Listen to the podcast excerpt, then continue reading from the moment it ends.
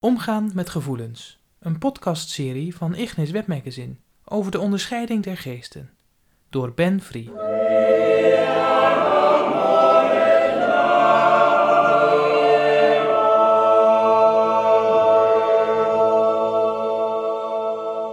Deel 2. Soms voel ik me goed, soms voel ik me dor. De technische termen die bij die leer over de onderscheiding horen, zijn onder andere troost en troosteloosheid.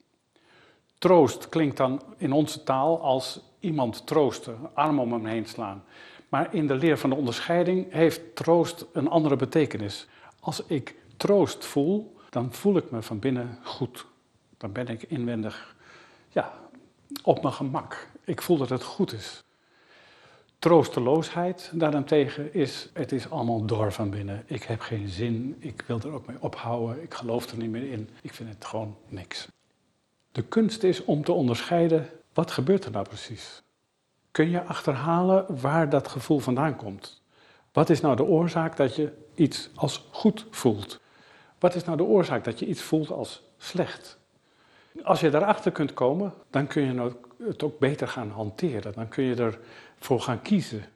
Ik volg dat spoor van dat gevoel, want ik merk dat doet mij goed. Dat geeft mij troost.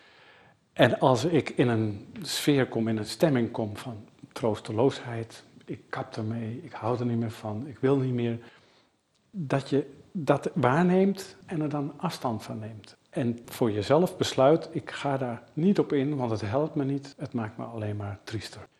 Helaas zit er nou nog een adder onder het gras.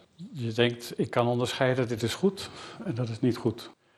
Maar in de leer van onderscheiding zit er een subtiliteit. Iets wat goed lijkt, waar je van overtuigd bent dat is, dat is goed om te doen, om, om daarop in te gaan, kan uiteindelijk toch niet goed blijken te zijn. Dat is een ambiguïteit die in onze gevoelens zit. Zoals dat in de traditie wordt genoemd, de engel van het kwaad hult zich in het gewaad van de engel van het goede.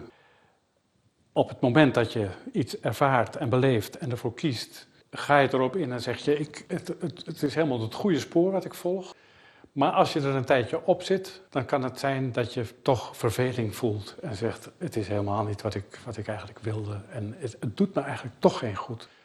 Dat is dus dan de kunst om voor jezelf te kunnen toegeven, ik zit niet op het goede spoor, ook al dacht ik dat het wel zo was. En ik herstel het. Ik maak een andere keuze.